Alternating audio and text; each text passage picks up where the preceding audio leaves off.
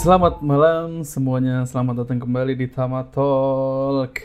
Kali ini Tama Talk mau ngelanjutin ceritanya seram versi Indonesia.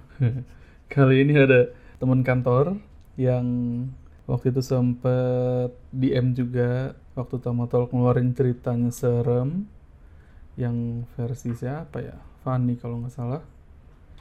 Jadi narsum kita ini waktu itu nge-DM dia bilang punya pengalaman horor banyak dan dia mau share. Dari ceritanya sedikit sih lumayan unik ya. Karena dia sampai diikutin gitu bukan cuma ditampakin. Bener-bener di ketempelan sih istilahnya lah. Kalau gitu silahkan bersuara. Ketempelan kayak apa aja gitu ya? Iya ketempelan loh. Iya, iya, diikutin sih. Iya, BTW ini Gabi. Hai. Yes. Iya, dia teman kantor gua dan Devi. Sekarang dia udah ada di sini. Langsung aja diceritakan itu awal mulanya gimana, backgroundnya gimana. Silahkan disampaikan. Agak serem juga ya ini backsound ya. Iya kan? Hmm, ya ampun. Ya waktu itu emang tertarik eh, apa namanya sama cerita horornya Tamatol. Tamato karena sebenarnya itu karena punya temen sih. Terus kayak wah seru nih. Gue juga kepengen sharing nih. gitu. Terus eh, oke, tadi pertanyaannya kapan mulai ngerasa dan gimana ya? Hmm.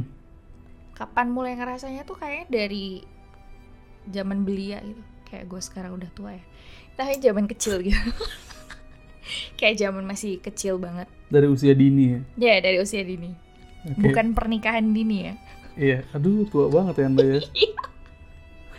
aduh ya begitulah jadi dulu emang waktu masih kecil tuh kayak sering sebenarnya ngelihat yang seperti itu tapi Mhm. sebenarnya kak Andre eh gue nggak ngelihat apa yang orang lain tidak bisa lihat itu seperti yang digambarkan di film-film gitu Iya. agak beda jadi gini kalau misalkan di film-film horor itu kan kayaknya eh, Visualnya serem. visualnya serem banget kan Iya. nah kalau yang gue lihat itu nggak seperti itu gitu Hmm. jadi pada saat itu karena gue nggak bisa apa ya eh, membedakan. Nah jadi awalnya gue nggak sadar kalau ternyata mereka itu beda dari kita gitu. Jadi yang kelihatan kayak orang biasa. kayak orang biasa.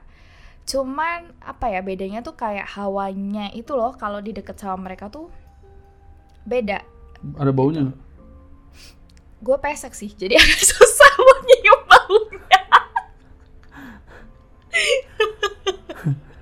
lucu kan lucu kan Terima kasih untuk informasinya ya. Anda pesek. Oke.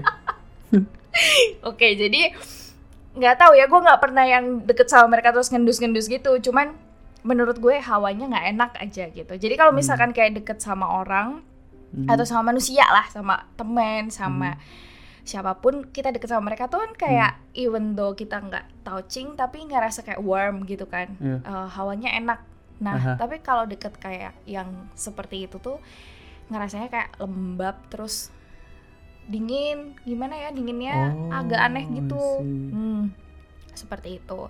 Terus dari kecil itu eh apa ya karena orang tua itu tiap kali gue ceritakan misalkan kayak gini mah itu kok kayak ada yang beda gitu. Mereka tuh nggak merasakan hal yang sama gitu. Jadi kayak orang tua gue merasa apa ya ah nih anak kayaknya halu deh gitu Oke. terus mereka tidak memberikan attention lebih jadi gue merasa oke ini kayaknya gue emang halu gitu sampai eh, skip skip skip skip waktu gue kuliah lah ya ini kejadiannya agak ceder gitu Mhm. jadi ini agak membekas nih sampai sekarang Mhm. seperti itu jadi waktu gue kuliah itu ceritanya gue pernah pergi ke eh, satu villa di Jawa Timur sana gue kan kuliah di Jawa Timur Mhm. Di daerah atas-atas itulah ya pokoknya yang dingin-dingin itu Oke. bukan sugus dingin-dingin empuk Ini ada selipan-selipan. jayus maaf ya jadi eh, ke daerah itu Jadi karena waktu sorry. Jadi waktu kuliah ada kegiatan kampus Mm-mm, ke se- ke suatu daerah. mhm. Biasanya nginep kan? nginep nginep di villa tuh Oke. terus eh ini gue persingkat aja ceritanya ya Mhm.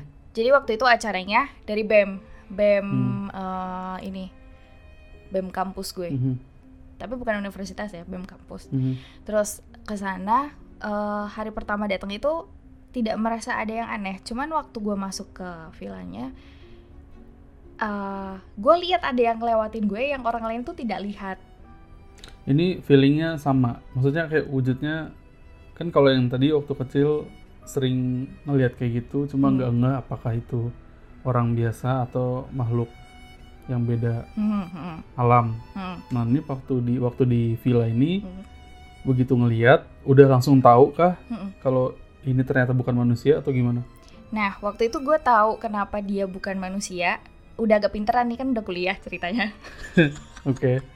itu eh gak tau kenapa eh gue tuh selalu agak kabur. Oh ini. Jadi yang gue apa ya yang gue ciriin tuh kalau misalkan ngeliat yang seperti itu Mhm. bagian kaki lutut ke bawah itu udah nggak kelihatan gitu loh. Maksudnya kalau kita lihat manusia biasa deket jauh itu kan kita bisa lihat dari atas sampai bawah kan? Iya. itu kayak kabur gitu. Ka- eh, bagian kaki lutut ke bawahnya. Ha-ha, Tapi lutut ke atasnya kelihatan. jelas. Ha-ha, jelas. Cewek. cewek. Kok tahu sih cewek? Wah jangan-jangan lu lihat juga Kan biasanya yang nampakin itu cewek cewek. Iya, iya, iya. Ini Miss Miskun. miskun bukan sih. Gue bilang itu bukan Bukan miskin juga. bukan gue itu mah. Eh enggak enggak enggak enggak enggak. Enggak amit amit amit amit. Miskun. Bukan. Bukan. Kalau miskun kan lu pernah lihat miskun gak sih? Wah, pernah dong. Woi, gimana tuh? Rambutnya tebel banget, Eh. tebelnya tebel banget. Hmm. Matanya hitam, mukanya putih. Kayak gue dong. Kurang lebih begitu. Aduh, hampir berkata kasar. Untung gue nggak putih ya. bukan, bukan miskun. Jadi eh, ini jujur ya, gue sampai sekarang hmm, belum pernah tuh ketemu sama yang namanya miskun. Nah, waktu itu dia cewek tapi tampilannya Ya, jadi dia tampilannya kayak orang biasa. hmm, Cuman gue karena dia penampilannya itu sangat mencolok, gue tahu kalau ini bukan orang. bukan orang Indonesia gitu. Oh. Jadi kayak garis apa fitur wajahnya tuh yang tegas gitu loh. Hmm. eh apa ya? Kalau ras Caucasian gitu kan em, Hmm. apa wajahnya kan kayak agak lebih tajam gitu kan. Oke. Nah, ya itu jadi yang gue lihat seperti itu. Terus gue yakin itu bukan miskun karena seperti yang tadi Kande cerita, kalau miskun kan fiturnya udah kayak template gitu ya di mana-mana sama. Iya, berantakan. Eh, berantakan. So, maaf. Nggak berantakan. Serem. Serem. Iya, Cewek rambutnya panjang, tebel, matanya hitam, pakai baju putih kan. iya. Biasa kayak gitu. Hmm. Teman-teman gue juga cerita kayak gitu, tapi biasanya itu di pohon gak sih? Enggak, Oh enggak. enggak. Oh, Di oke. rumah-rumah juga ada. Oh, gue baru tahu. Hmm. Ya udah. Ini tapi bukan. Tapi emang dia pakai baju putih. Tapi bukan baju putih pakai ba Iya, maka atau gimana? Hmm, bukan sih, kayak sleeping wear gitu loh. Mhm. Kayak gaun sleeping wear, tau nggak? Tahu, tahu, tahu. Kalau cewek. Tapi bukan yang terawang gitu ya, ntar jadi film porno. Tahu, tahu, tahu, tahu. Iya gitu. Jadi waktu pertama datang ke villa ini ketemu Mhm. sama si Teteh. Teteh. si Teteh ini. Yang jaga. Iya. Oh, enggak sih. Si makhluk ini. Iya, si makhluk ini. Oke. Terus eh, apa namanya? Itu mulai dari awal tuh ngelihat kayak gitu kan udah nggak tenang ya siapa sih lagian orang yang tenang gitu ngelihat seperti itu kan. Mana gue kalau ngelihat teman-teman yang lain tuh kayak mereka nggak ada yang Ngeh. memperhatikan dan ngeh kalau ada si teteh ini gitu. Oke. Terus gue malam pertama tuh di sana nggak bisa tidur gitu loh kan dek karena ya serem juga kan. Aha. Terus eh, pada malam itu gue berusaha untuk tidur nih. Untungnya waktu itu sekamar berdua sama temen gue. Hmm. Nah, Jadi si villa ini mm, yang yang nongol tadi itu mm. dia di dalam kamar atau di luar? nah gue ketemunya di ruang tamu. Jadi pas gue mau masuk, dia kayak ada di situ jalan-jalan gitu. Tapi se- satu villa Mm-mm, sharing kan. sharing. Terus temennya gimana? Temen yang waktu di kamar itu dia ngerasain juga nggak? Nah, itu dia nggak ngerasain. Gue nggak ngerti karena dia orangnya bebal apa emang capek ya.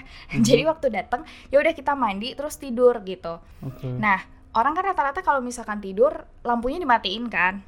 Yes. Begitupun dengan teman gue dia request untuk lampunya dimatiin. Padahal gue udah merasa yang kayak, waduh nggak beres nih kalau dimatiin gitu. Gak tau Hmm. kenapa gue merasa kalau misalkan lampu dimatiin itu penampakan yang seperti itu jadi lebih jelas terlihat gitu loh. Mhm.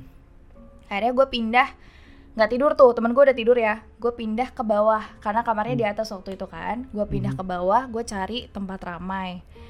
Pergilah gue ke ruang tamu ngelihat anak-anak. Ya pada Hmm. masa muda itu kan anak-anak suka banget begadang ya. Main lah. Apa gitu nggak ngerti. Gaplek kali mungkin nggak ngerti. Mhm. pokoknya mereka main terus eh gue tidur tidur ayam gitu di sofa.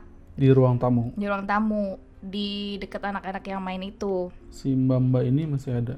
Nah, pada saat gue pindah ke situ, si Mbak Mbak ini kan tadi sebenarnya di atas itu juga ngikutin kan. Jadi waktu gue datang, dia ngikutin ke atas ke kamar Jadi ini dua lantai ya? dua lantai. Oke.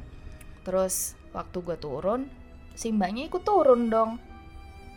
Kayak gitu. Tapi gue merasa ya udah safe aja gitu karena eh di situ tempat ramai kan. Jadi selama dia mondar mandir itu Mm. lutut ke bawahnya itu benar-benar nggak kelihatan nggak jelas. Ya gue juga nggak memperhatikan orang udah ketakutan gimana sih. Oke, jadi dia emang benar-benar ngintilin ya. Iya. Terus eh gue percepat dia ceritanya sampai pas mau balik ke eh, Surabaya. Gue kan kuliah di Surabaya. Terus, nah waktu di bis ba- mau balik ke Surabaya itu, eh selama di bis nggak ada yang duduk di sebelah gue gitu loh. Gue nggak ngerti tuh kenapa. Jadi kayak emang gue duduk di tengah-tengah kan, Hmm. mepet jendela. Jadi apa sih itu kursi yang deket ayel ya istilahnya. Ayel Mhm. kayak pesawat aja. Itu kosong Hmm. terus eh karena gue capek kan itu beberapa hari di situ gue nggak bisa tidur kan ya Mhm. ya udah gue biarin aja gue berusaha untuk tidur tapi nggak bisa sampai akhirnya ada satu senior gue datang terus ngomong kayak gini dek eh, kamu nggak capek apa capek banget mas gue bilang gitu kan lagi apa kita eh, kegiatannya kayak gitu kurang tidur nih gue bilang gitu kan terus dia bilang iya tapi maksudnya bukan capek yang itu nggak capek apa itu diikutin ke mana-mana dia ngomong gitu gue langsung kayak dek wah berarti yang lihat bukan cuman gue dong Tapi waktu balik di ini naik apa? Naik naik bis bis. Hmm. Waktu balik nggak ngerasain si Mbak itu ada, gue nggak ngerasain mungkin karena gue udah terlalu capek kali tapi ya berasanya capek banget. iya berasanya tuh capek dan berat banget gitu loh Oh, berasa badannya berat. iya Oke. emang berat sih nggak tapi ini kayak lebih berat daripada biasanya Oke oke. gitu terus eh, waktu gue pulang nyampe kosan ketemu temen sebelah kamar gue Hmm. sebut saja mawar Hmm. nah si mawar ini waktu gue datang dia kayak kaget gitu ngeliat gue kok eh, nih anak tampaknya lusuh banget gitu mungkin ya Terus. Teman sebelah kamar. teman sebelah kamar bukan teman sekamar ya sebelah Hmm. kamar gitu. Jadi kamarnya dempetan. Terus si mawar nanya kan Yap lu capek banget ya? Gitu kan. Iya capek banget. Ya udah lu mandi terus istirahat deh dia bilang gitu. Nanti kalau udah ke kamar gue ya kalau nggak capek banget dia bilang Hmm. gitu. Nah waktu pulang itu gue ngerasa kok kayaknya gue demam ya?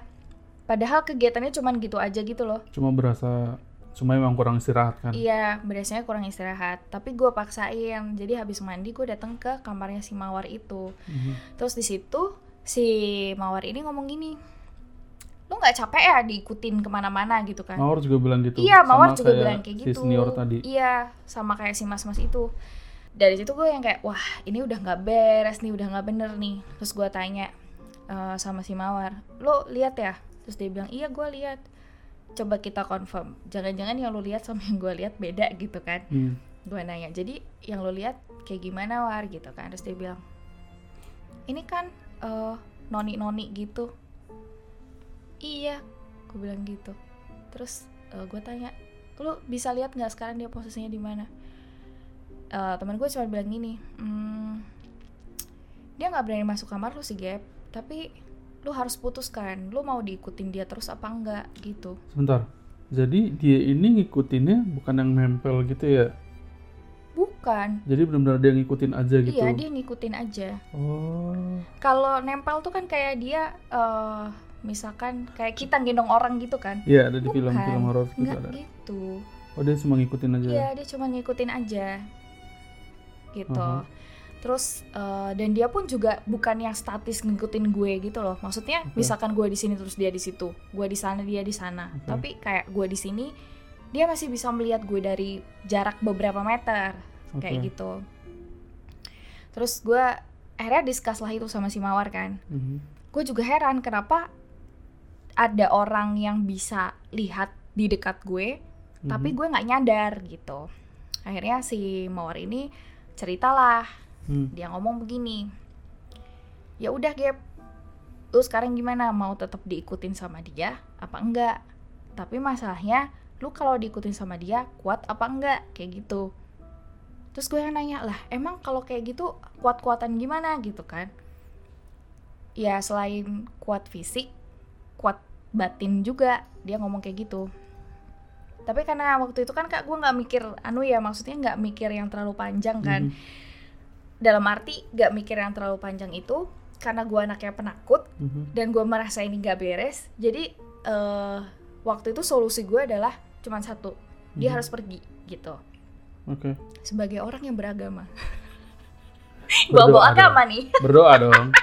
iya iya terus itu nanti ceritanya di akhir tuh akhirnya berdoa karena waktu gue diskus sama si mawar ini gue nanya waduh hari ini kayaknya nggak bisa nih gue nggak kuat nih. Masa diikutin baru dua hari kan ya itu hitungannya dua tiga harian aja badan gue udah panas kayak gini gitu. Mhm. terus mana diikutin sama yang seperti itu gak enak kan. Jadi gue ngerasanya tiap kali mau berinteraksi sama orang itu eh, jadi nggak fokus. Oke. gitu. Terus si mawar bilang ya udah kalau gitu lu ngomong aja sama dia.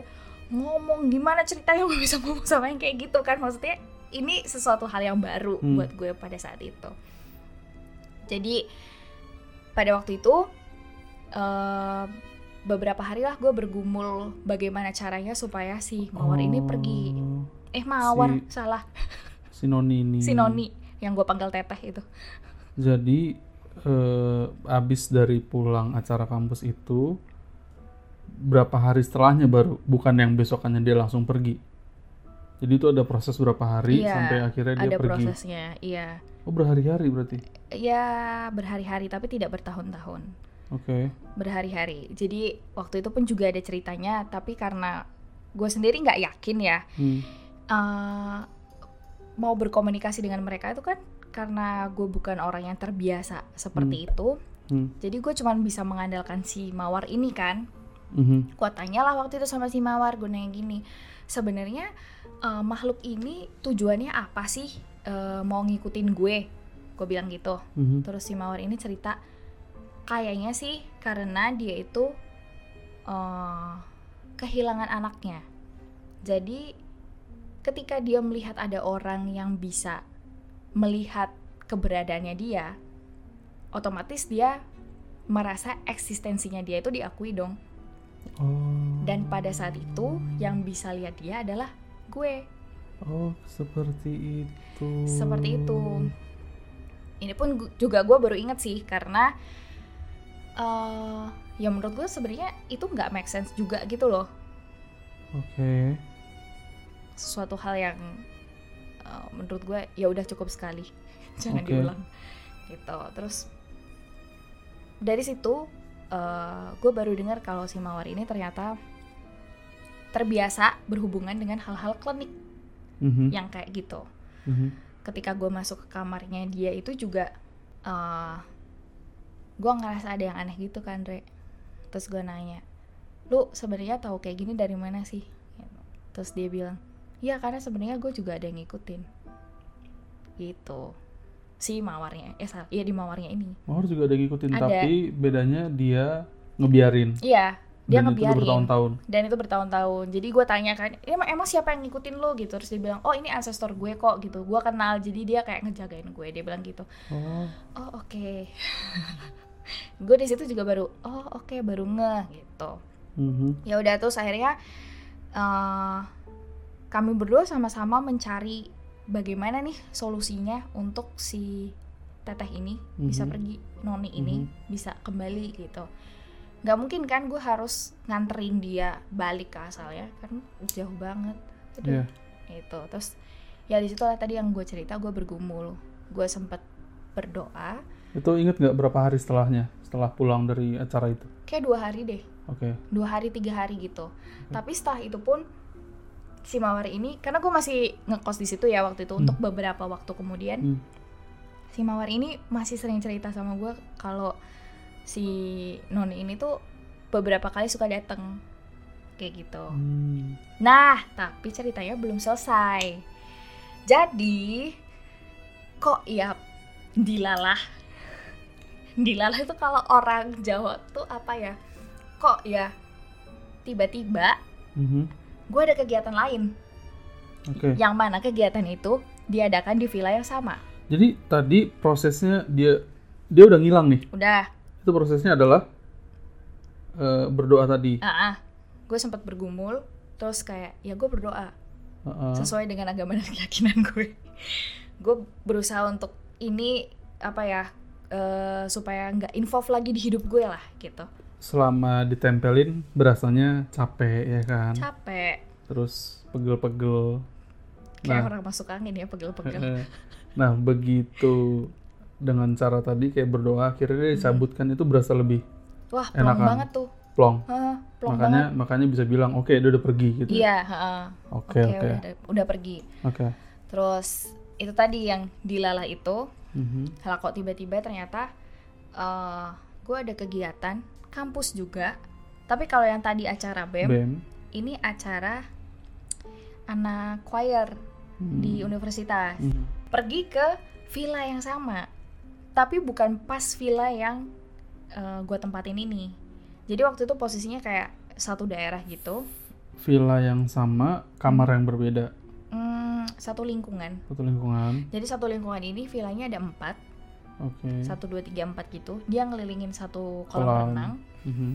villa yang tadi waktu acara BEM itu di villa yang pertama. Nah, acara yang choir ini di villa yang keempat. Jadi Oke. kayak seberangan, Seberangan sama sama si kamarnya Noni itu. Iya, sama villanya si Noni itu. Oke. Gitu. Terus pas nginep di sini gak beres juga, Mhm. tapi wujudnya beda. Pas di villa yang empat ini, Mm-mm, Yang keempat ini. dia di kamar juga atau? Nah, waktu itu yang gue lihat bukan si Noni ini. Oke. gitu jadi nah untungnya waktu itu yang lihat bukan cuman gue jadi gue ngerasa kayak oh gue ada temennya yang bisa lihat gitu Hmm. karena mungkin anak-anak choir itu ini kali ya apa namanya mungkin mereka uh, sensitif sama hal-hal kayak gini Hmm. kali jadi malam pertama aja mereka tuh udah ngumpul di ruang tamu terus mereka ngebahas ini gitu jadi mereka begitu datang langsung bilang wah gue masuk ke tempat ini auranya udah nggak enak nih pada bilang gitu kan Hmm. Terus ada yang nyelotok ngomong gini, lu lihat gak sih di arah kolam renang itu ada mbak-mbak gitu. eh dia beda beda ras sih, mbak-mbak Jawa gitu, Hmm. pakai baju kebaya warna merah kalau nggak salah. Terus rambutnya disanggul gitu loh. Dan anak-anak tuh bisa lihat itu. Ini yang di villa yang sekarang. Ya di villa yang sekarang, macam-macam kan. Oke. di situ gue juga yang kayak kaget gitu karena waktu mereka cerita wah sama nih sama yang gue lihat. Berarti gue nggak halu dong. Hmm. padahal selama ini gue menganggap dan merasa kalau gue masih halu, Halu. gitu. Terus gue cerita sama salah satu orang temen itu. Nggak salah satu sih itu kayak kita kumpul rame-rame kok. Gue bilang gue juga lihat sih yang kayak gini gitu kan. Iya. Terus besokannya di pinggir kolam gitu pas lagi acara lah biasa ada juga nih teman deketin gue terus ngomong gini "Eh, kita waktu itu posisinya lagi duduk di kolam renang ngadep ke villa yang pertama yang waktu itu gue tempatin di acara sebelumnya. Hmm. dia ngomong gini Gap eh, lu ngerasa gak sih kalau dari arah sana tuh dari kemarin ada yang ngeliatin kita? Ngomong kayak gitu. Oh iya ya gue bilang gitu kan. Iya masa lu nggak ngerasa sih? Terus gue bilang ya gue ngerasa tapi gue diem diem baik. Oh jangan-jangan lu nggak cerita ya? Terus akhirnya malamnya barulah gue cerita. Gue Hmm. bilang apa yang kejadian sama gue gitu di Mhm. acara yang sebelumnya Hmm. gue bilang sama mereka kayak ya sebenarnya gue diikutin terus mereka kayak eh amazed gitu kan wah gila lu diikutin kayak gitu untung lu nggak pingsan untung lu nggak apa namanya hmm, titik gitu kan Hmm. terus gue yang kayak ya itu dia gue juga nggak ngerti tapi waktu itu rasanya setengah mati banget capek banget di badan gue sampai Hmm. demam kan waktu itu pulang badannya panas terus pegel-pegel ya terus mereka akhirnya nanya kok bisa lepas kayak gimana ceritanya Hmm. gue bilang lah temen sekosan gue ada yang dia juga bisa melihat dan eh, ya dia memang dekat lah sama hal-hal yang seperti Hmm. itu di situ gue merasa kayak wah gue nggak sendirian nih gue kayak punya komunitas baru untuk sharing-sharing hal Hmm. kayak gini gitu tapi kan itu duh gimana ya serem lah buat gue yang penakut Mhm. lebih baik tidak. Tapi Oke. salah satu orang teman gue tuh ada yang ngomong kayak gini "Eh, tapi ya Gap eh, bersyukurnya itu yang di villa sana itu kayaknya dia tuh ngeliatin kita dan si mbak-mbak yang pakai baju merah itu jadi nggak bisa gangguin kita gitu loh dia ngomong gitu. Terus gue yang kayak oh iya ya? Wow gue yang kayak wah yang bener nih gitu kan. Terus teman gue bilang iya beneran soalnya si mbak Mei ini tuh dari kemarin dia nggak berani loh masuk ke villa kita Eh, mbak-mbak yang pakai kebaya pakai kebaya. jadi, dia, cuma cuman di depan doang oke. dia cuman ngeliatin gitu doang dan itu memang menurut gue ya auranya jauh lebih berat lebih gak enak dibanding si Noni. iya sangat gak nyaman Hmm. Oh gue inget deskripsinya hmm, kalau si Miss K itu tadi Hmm. matanya hitam kan Ya. ya itu matanya kayak gitu Anjir. iya Sebentar. Jadi dia kayak mbak-mbak biasa nih, iya pakai kebaya, Heeh. rambutnya disanggul, Mm-mm. terus matanya hitam. Mm-mm. tahu mbak-mbak penari nggak sih yang yang yang suka nari Jawa terus pakai baju tradisional gitu Tahu. Iya kayak gitulah Oke. itu itu perasaan gue campur aduk karena satu mereka bukan makhluk biasa Hmm. jarang banget kan ketemu sama yang model-modelan begitu kalau di Hmm. kota paling banter Miske Hmm.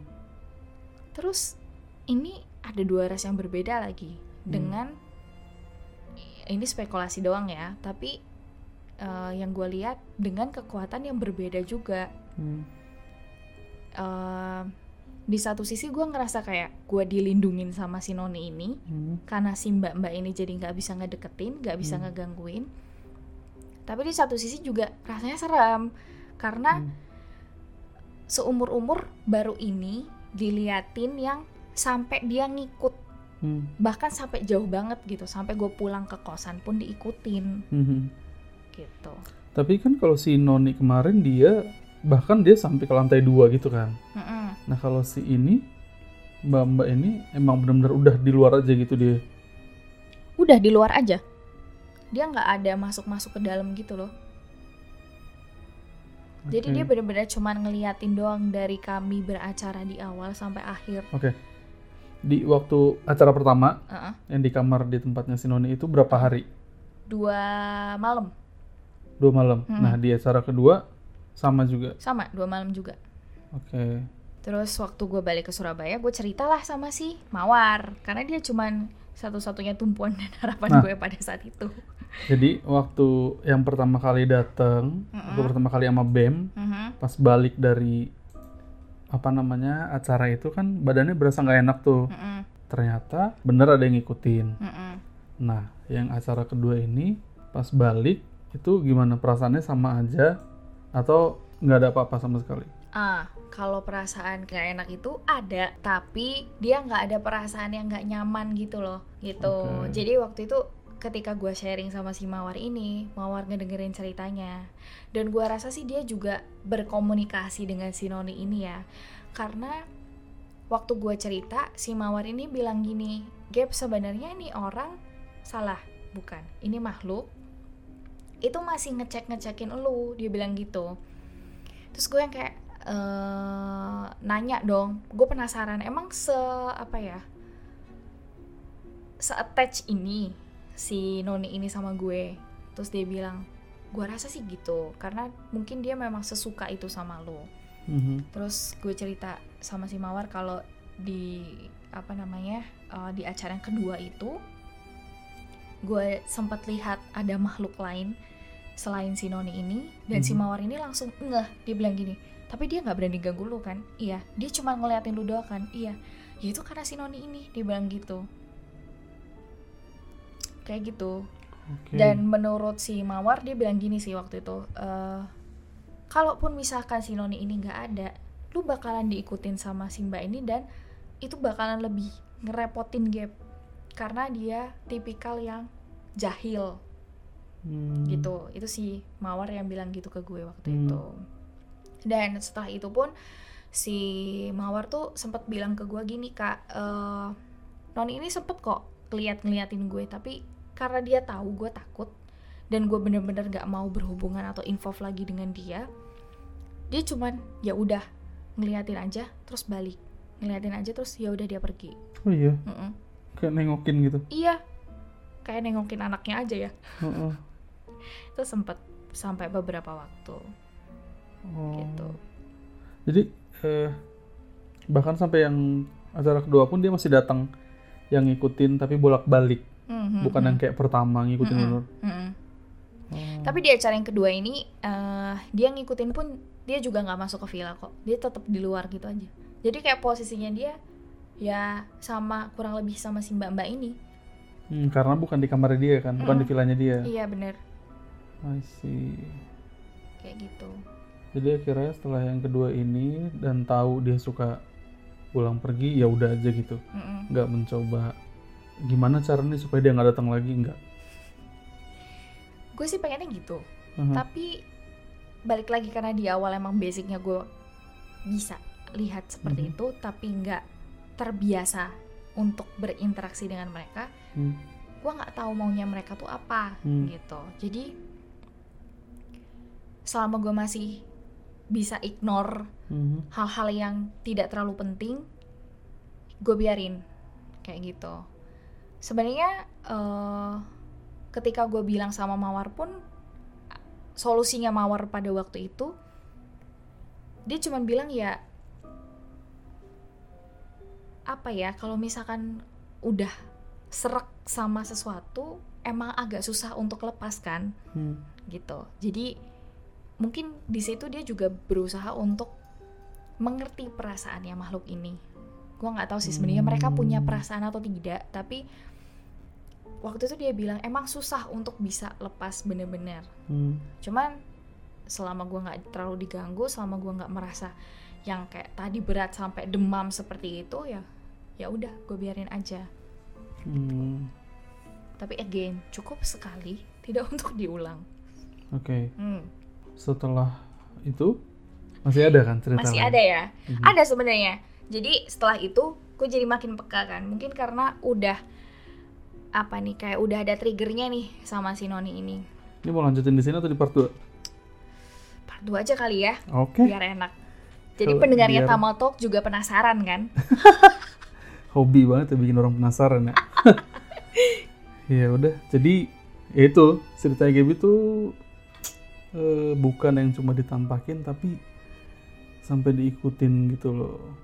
Nah berhubung cerita dia masih banyak lagi. Ini di tempat yang sama di kos kosan itu juga atau tempat lain?